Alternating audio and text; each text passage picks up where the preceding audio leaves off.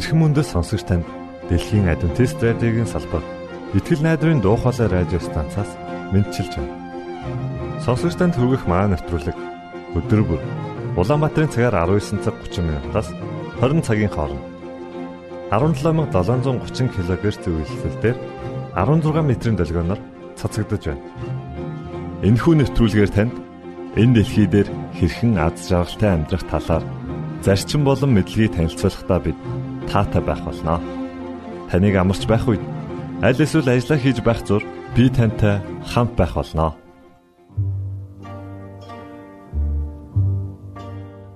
Өнөөдрийн дугаараар та бидний эрүүл мэнд юу бодож байгаатай маань холбоо хамааралтай юу гэдгийг олж мэдэх болно.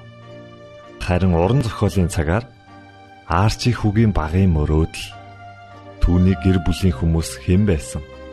Мөн түүний амьдралын талаар хамтдаа сонсох болно. За ингээд танд нэвтрүүлгүүдэд хүргэж байна.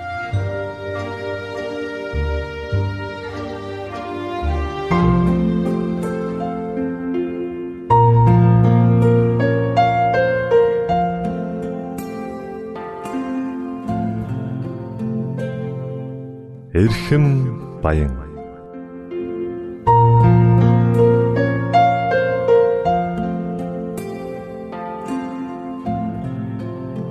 эрүүл амьдрах арга ухаан зөвлөмж тайлбарыг хүргэдэг эрхэм баян нэвтрүүлгийн шин дугаар эхэлж байна.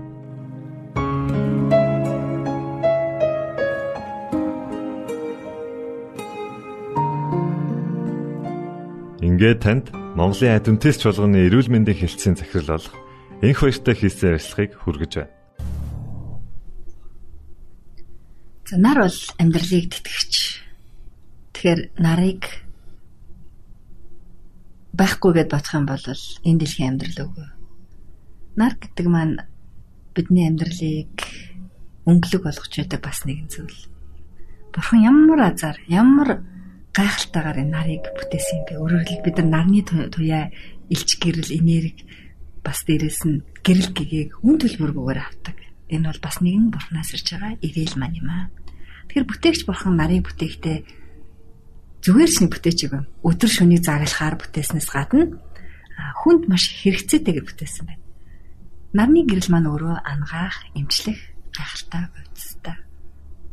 Дээрэс нь нарны гэрэл маань хүнд эрч хүчийг өгөхөөс гадна хүний бие дотор явагддаг бас фотосинтез гэж ярьдаг. Да хүний бие дотор ургамал дээр хүртэл фотосинтез гэдэг явагддаг. Хүний бие дотор бас маш их тийм одоо нөлөөтэйгээр нарны туяа маань арьсан дээр туснасаа хүний бие шаардлагатай амин дэрийг дэмийг одоо үүсгэн бий болгодог. Өөрөөр хэлбэл энэ маань витамин D.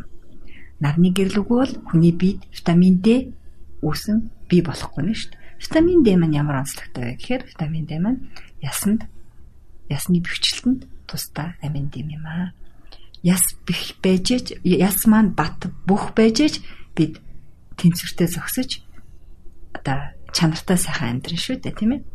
Тэгэхээр тухайн улс орны дэлхийд бүрцгтэр байх байрлалаас шалтгаалаад нарны туяаны нарны илчил бол өөр өөр тусдаг л да. Жишээл манай Монгол орны хувьд бол бид нар Азийн цээжинд байдаг.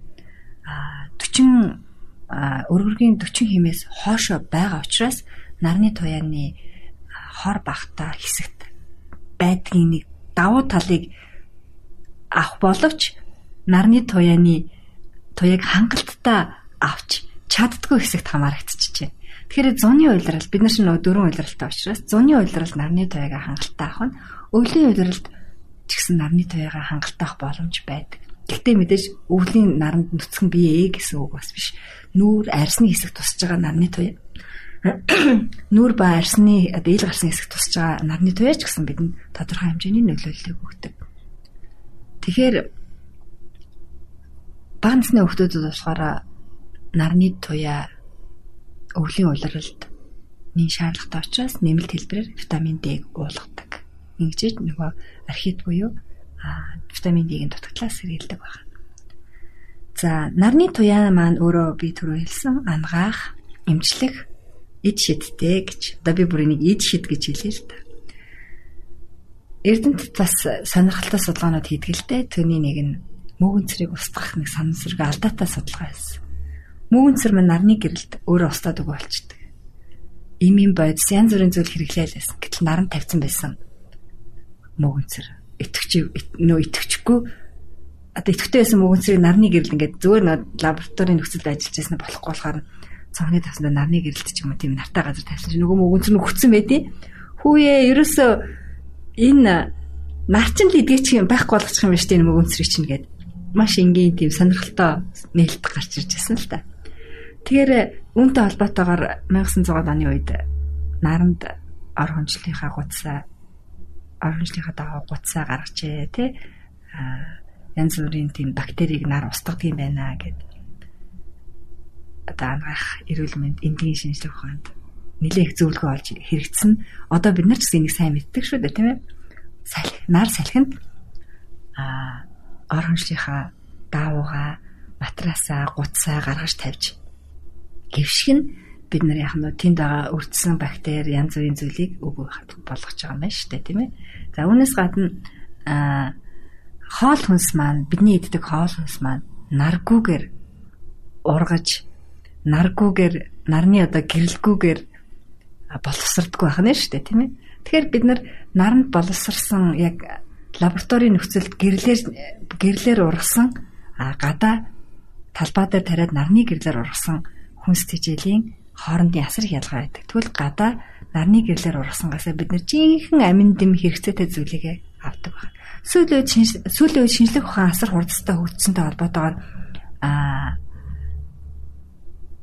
food engineering гэж яриад байгаа л да. Хүнсний тийм одоо биотехнологи маягийн юм гэх юм уу да айгүй хөгжсөн.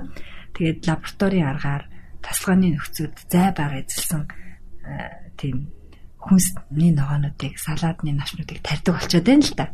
Энэ бодлохоор нэг бодлын хүн төрөлхтний нээсэн гайхамшигтай сайхан зүйл хэдий боловч нарны туяа тусаагүйгээр хүнсний ногоо ургахад тэнд хэрэгцээтэй нарны гэрлээс авдаг хэрэгцээтэй зүйл маань багасчдаг юм болов. Тэгэхээр бурхан анханаас нарыг бидэнд яг ашиглахаар бүтээсэн учраас нарнаас шимт хижээлийн үр ашиг бид нар авахаар бүтээсэн учраас аль болох гадаад талбай тарьсан ногоо хүнсийг идвэл зүйтэй болов гэж бас үзэж байна л та. Тэгэхээр нарны гэрэл маань зөвхөн бидэнд хоол хүнс ургуулхаас бас бидний бие махбодыг эрүүл саруул байлгах, ясыг бих байлгахаас бас дээрэс нь бактери устгаж эрүүл саруул амьдрах орчинд бүрдүүлэхээс гадна бас бидний амьдрал хэрэгцээтэй асар их энергийг ялгаруулдаг учраас нарны зай гэдэг зүйл одоо гараад бий болчлоо тийм үү. Тэгэхээр бид нар их дэлхийгээ хамгаалж дэлхийн дулаарлаа сэргийлэхийн тулд аль болох нөхөн сэргээдэх тийм энерги ирч одоо цахилгаан төхөөрөмжүүдийг хэрэгэлдэг болоод байна шүү дээ.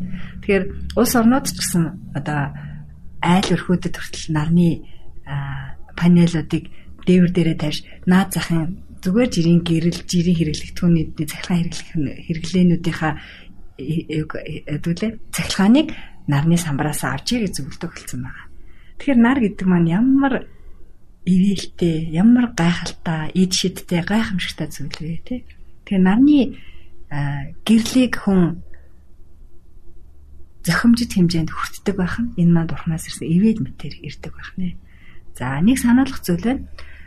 Хит их наранд биеэснэрээ буруу таталтай. Өөрөөр хэлбэл нар маань өөрөө ультравайолет буюу хит ягаан туяа ялгаруулдаг. Энэ шүүгч азоны давхрах шүүгээ дэлхий дээр буулгаж байгаа хэдий ч гэсэн хугацаанд удаан зуны наранд ч юм уу эсвэл бол түрүүний миний ярьсан одоо 40 градусаас доош улс орнууд буюу нөгөө экваторын бүсийн ойролцоох те нар хитэх тусдаг улс орнуудын нарны хурц туяа бол их байх нь дээ. А үүнээсээ ч улбаатаагаар наранд байх хугацаа бол нарнаас бүр бие хамгаал гэдэг зөвлөгөөнүүд гарч ирж байна. Хит их байж болохгүй учраас. Тэгэхээр хүн өдөрт 15 минутанд минут л наранд бие ихэд хэрэгцээтэй хэмжээний амин дэмээ авахаас гадна нарны туяанд 15 минут орчим авснараа шүн бидний тархинаас ялгардаг мелатонин гэдэг дааврыг ялгаруулалтанд одоо хангалттай нөлөөлөл үзүүлждэг байна. За мелатонин гэдэг маань ямар даавар вэ гэхээр хүний одоо залуу байхад хөшрөлтийг одоо удаашруулдаг даавар юм л да. Энэ тархинаас шүн дундаас хойш ялгардаг тийм даавар байгаа. Тэгэхээр энэ шүн дундаас хойш ялгарч яагаад нарны гэрэл хэрэгтэй вэ гэхээр нарны гэрлийн тусламжтайгаар энэ дааврын боловсруулалт нь бий болж шүн ялгархад нь нөлөөлдөг байх нь шүү дээ. Тэгэхээр өдөрт хүн хэр хэмжээний хугацаагаар наранд бие ээх вэ гэхээр зуны наранд 15 орчим хэмжээгээр. Гэтэ заавал биеийн бүх хэсгийг гарах албагүй байна. За халуун оронд байдаг хүмүүс эсвэл зуны цагт хөдөө мод дээр байгаа ч юм уу гадаа ажиллаж байгаа хүмүүст бол үүнээс илүү хугацаагаар бие биеийн тодорхой хэсгийг наран шаарчдаг чэйжин бие ч юм уу нүүр гараа ч юм уу тий. Тэгэхээр энэ нан наран түлэгдэх аюултай. Наран байн түлэгдээд байх юм бол энэ нан арсны хорт тавдар үсгэх эрсдэлт хүргэдэг байна. За өмнөд бүсэд амьдарч байгаа жишээлбэл Африк, Австрали Австрал тэв, Шинэ Зеланд, за Африкийн урд хэсэг, Өмнөд Америкийн урд хэсгүүдийн улс орнуудад болохоор ялангуяа Австрал, Шинэ Зеланд орчимд бол арсны хорт тодорл аюух байдаг. Тийм учраас энэ хүмүүс бол биеэ маш их нарнаас хамгаалахад бол нарны тосыг хэрглэж байна. Биеэ хамгаалахын тулд нарнаас хамгаалах, нарны тэр нөгөө хэд яган туянаас хамгаалах хувцас хэрглэж байна өдөрт наранд их хуцаа байна. Нарны туяа хит их тусдаг газруудаар явахгүй байхыг одоо тий эрхэмлдэг болцсон байна л да. Тэгэхээр аливаа зүйлийн зохистой хэрэглээ гэдэг маань чухал болж байгаа. Нарны туяа бидэнд хэрэгтэй ашигтай гайхамшигтай зүйл боловч хит ихсгэрээ яах нь хортой зүйл дагуулдаг байна. Нарийн яривал наранд хит бие ээж байнга түлэгдээд байх юм бол арсны хорт тавдар үүсэх эрсдэлтэй. За манай Монгол орны хувьд бол давуу тал нь а одоо нөгөө өргөргийн хэмжээгээр ярихад 40 градусаас хойш нарны туяа баг тусдаг, элчин багассан газар амьдардаг учраас арсны хор тадрын эрсдэл бол манад бага байгаа. Гэхдээ зуны цагт бие их шарснаас болж хүмүүсийн арс нь төлөгдсөн төлөгснөөсөө болоод арсны өнгө үхчихсэн тохиолдол бол маш их байдаг манай орнд. За өвлийн цагт азар битүүлээд хамгаалчихж байгаа боловч 100 дулаараа тэрхээр хүмүүс арьсаа хит их наран төлснөөсөө болоод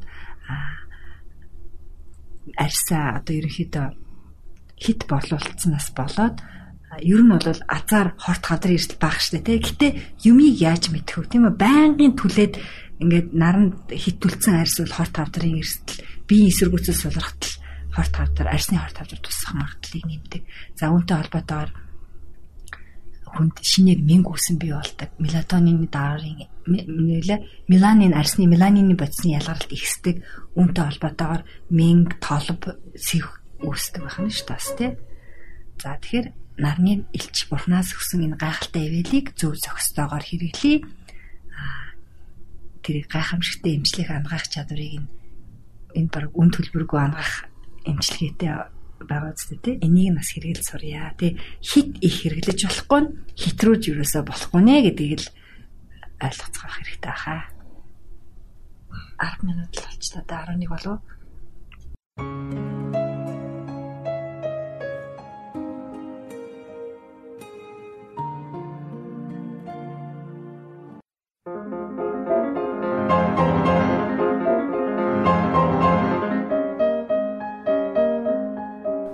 Уран зохиолын цаг.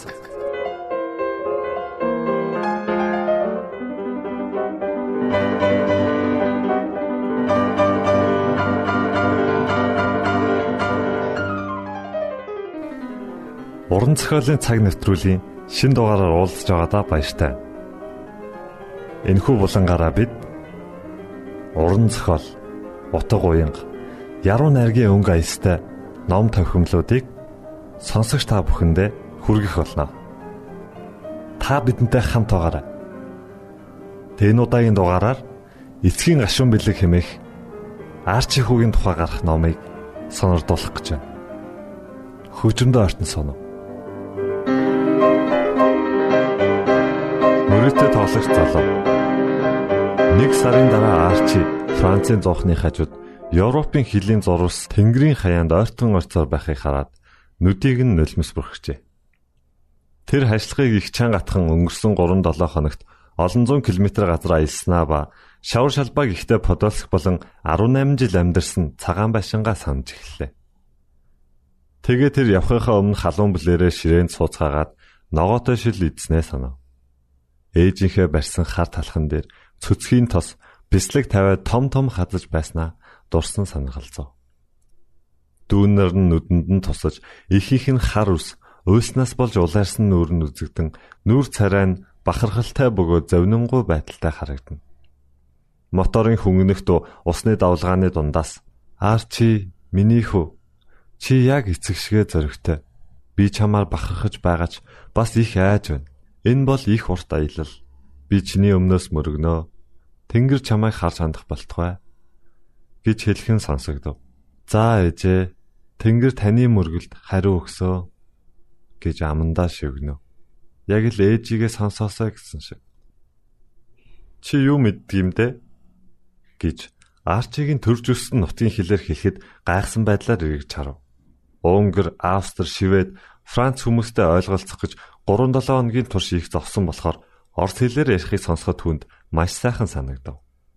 Өөрөөс нь 2 3 насаар ах шаргал үстэй хар хүрэмтэй өөрийнхөө надад үстэй малгай өмссөн залуу өмнө нь харагдав. Ам би Канад орохоор явж байна. Чи Канадын аль хэсэгт очих юм бэ? гэж Арчи асуув. Танихгүй залуу. Торонто орноо. Харин чи Канадын хаана очих чам? Саскачу. Намайг Арчи Шиповик гэдэг. Днепр мөрний эрэгт байдаг Подольск тосгоноос явж байна. Аа. Би Киевээс явж байна. Намайг Дмитрий Ранановик гэдэг. Чи ганцаараа явж байгаа мó? Тийм. Би аавда туслахаар явж байгаа юм.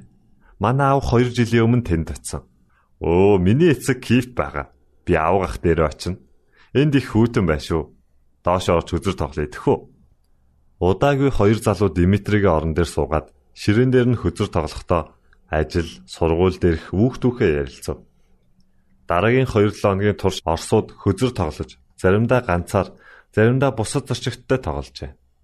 Зарим үед ямар ч мөнгөгүй мөртлөө мөрөөдсөн тоглоно.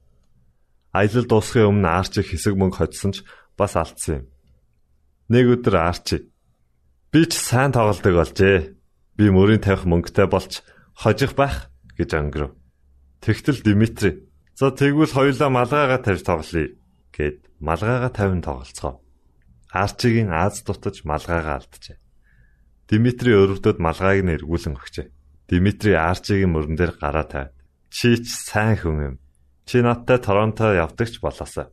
Удахгүй бид баян найс нар болно Саскачевт надтай хөзөр тоглох хүн олдох байх гэд удахгүй их мөнгөтэй болно гэсэн шиг гараа үрж эхлэв.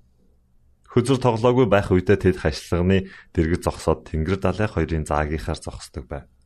Далайн давлгаа хуйлран бориглох нь яг өөрийнх нь сэтгэлийн хөдөлгөөнийг илэрхийлэх мэт Канадад очиод амьдрал сайн сайхан болно гэсэн бодол баяр баясгал төрүүлв. Эцэгтэйгээ яаж амьдрандаа гэж бодож байсан боловч одоо гайгүй болжээ. Аав нь түүнтэй дахиад ширүүн харцах болов. Аав нь энэ шин залуу найз шиг сайхан зүйл үзүүлэх болов. Би англи хэл сурч чадах болов. Тэр өдрөө Лавренсийн мөрөн рүү ороход Арчигийн сэтгэл хөөрч эхлэв. Канадын газар нутгийг харахад түүний сэтгэл усан онгоцыг тойрон нисэж байгаа цахлаа шуу шиг хөөж тогтолж байв. Тэр том мөрөнд их олон усан онгоц хөвнө. Днепр мөрний жижиг зарнууд хажууд нь юу ч биш юм шиг санагдав. Тэнд Итали, Англи, дайн болон бусад орны хэд хэдэн усан онгоц тариа будаа нүүрс ачин явж байхыг харлаа. Арчигийн усан онгоц Монтрелийн эрэг хавьд гайлын шалгалтын их урт цуваан зогсоход сэтгэл нь ихэд догдлоо. Гэтэл бас нэг зовлонтой явдал тохиолдов. Та Францаар ярьдгүү? Эсвэл англиар ярьдгүү?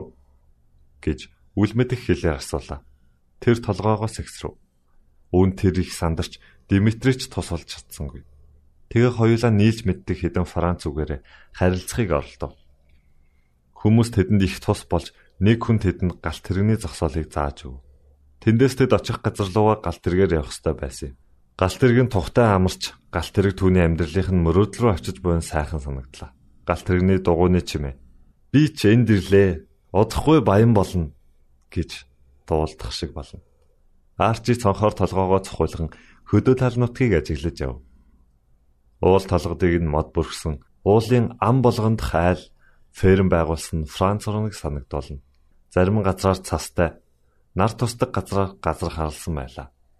Шавар шалбаагтай газраар морин тэрэг явж яг л Подолкс байдаг шиг зам зурайлгажээ. Замын хажуугаар унжгар ууд цэцэг гарсан байхыг хараад Подолкс бам гарсан болов уу гэж бодож явлаа. Магадгүй майр цэцэг түгээд гал тогооныхоо өрөөнд вааранд хийсэн байгаа да. Тэр шинэ газар нутаг үзэж харах зүйл их байлаа. Гэвч нүд нь анилтаад байлаа. Гал тэгний дуу чимээ нойр нь хурц өвшөөлгээд хөлөө сунган нойрмөглөв.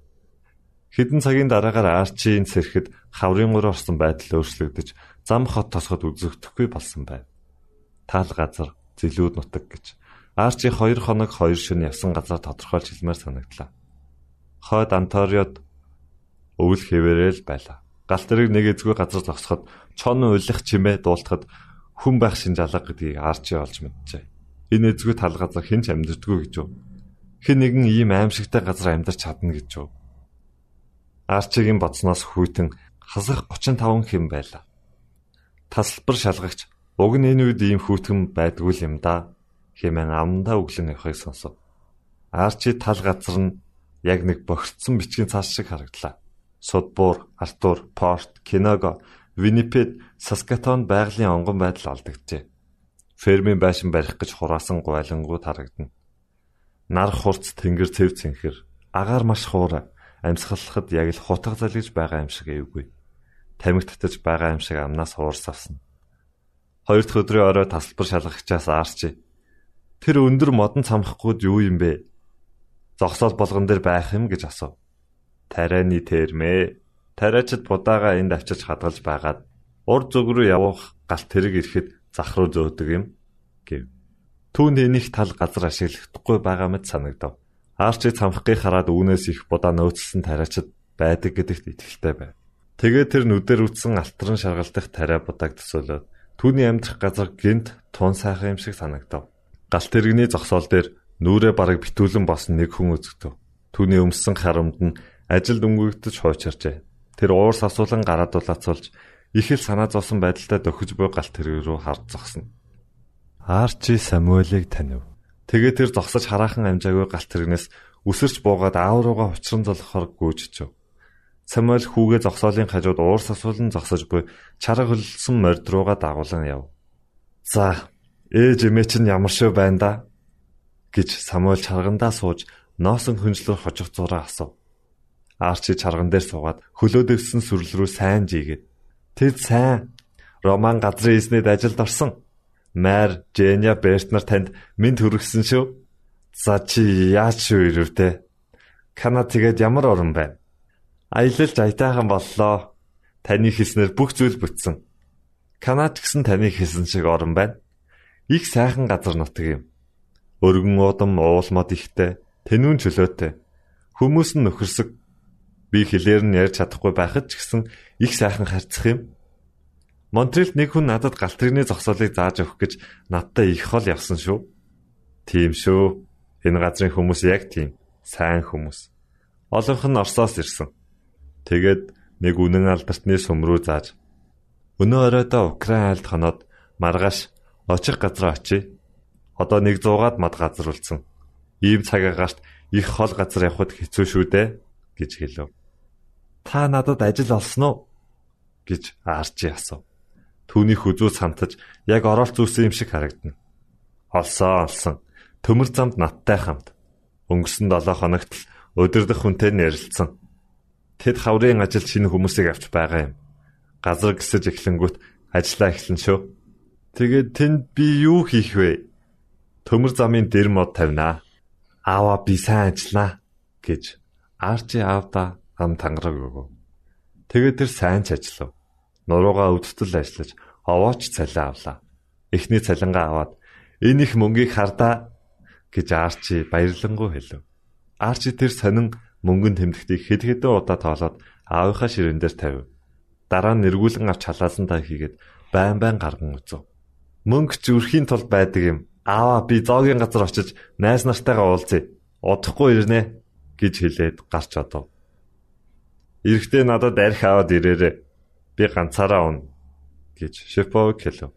Хах сайн болгонд нэгэн хэмээр давтагцаар Арчи хот орж арх ухаар цалингаа тис чадан хөлөөдөг болов. Тэр хүзэр авч арх мөнгөөр мөрөлдсөн тоглодог болж хожихоосоо илүү алддаг байлаа. Дараа 7 хоногт аздаарч би хожино гэж боддог байсан ч Дараа 7 хоногт нь бас л хожигдоод ганц ч мөнгөгүй болоод сохтуу ирдэг болов. Нэг орой Арчи мөнгөгүй сохтуу ирэхэд эцэг нь ширээгээ цохон Яагаад чи ингэж байгаа юм бэ гэж зандрахад Арчи шал руу нөлмөж "Түй. Би таныг согтуу ирэхийг чинь их олон удаа үзсэн. Бас та мөрөөдө тоглодог байсан шүү дээ. Би бүгдийг мэднэ. Та тэгэд одоо яах юм? За тийм байг. Би энд ирэх гэж мөнгө зээлсэн. Чамайг бас ирүүлэх гэж зээлсэн. Одоо болтол төрж дуусаагүй байна. Би чамайг надад туслах байх гэж бодсон юм. Би чамайг мэдсэн бол авчирдгүй л байж. За за би дахиж ууж мөрөөдө тоглохгүй гэд гараа дээш өргөж аавынхаа уур хилэгнэлийн үгийг зогсоогоод сандал түшин босч орон дээрээ төрүүлгээ харан хэлтэв. Арчи өөртөө би аавтайгаа яг адилхан бүр долоон дор энэ үндэ гэж нулимс салхин хэлж байна. Аавдаа архиавч өгөхгүй гэж татгалцсан нь дөнгөж сая мэт санагдаж тэр үедээ хизээч архи амсахгүй гэж амласнаа санав. Тэр аавтайгаа адил байхыг хүсээгүй. Гэтэл аавынх нь араншин өөрт нь яг шингэжээ. Арчи өөрийгөө өөрчлөх чадлагүй байсан ч цөхрөлтгүй хичээж би арх ухаа болно. Би бурханд хандна. Би үүнийг үнэхээр зогсооно гэж гэж амандаа бовтнов. Та уран зохиолын цаг навтруулыг бүлээн авч сонслоо. Дараагийн дугаараар уулзтлаа. Түр баярлалаа.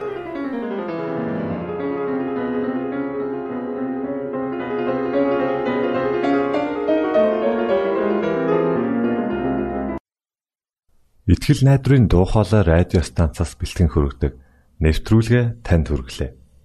Хэрв та энэ өдрийн нэвтрүүлгийг сонсож амжаагүй аль эсвэл дахин сонсохыг хүсвэл бидэнтэй дараах хаягаар холбогдорой. Facebook хаяг: Satiin үсгээр Монгол заавад AWR Имэйл хаяг: mongol@awr@gmail cek.com Манай утасны дугаар 976 7018 24 9 Шуудангийн хаяг 16 Улаанбаатар 13 Монгол улс Биднийг сонгон цаг зав аваад зориулсан танд баярлалаа. Бурхан таныг ивээх болтугай.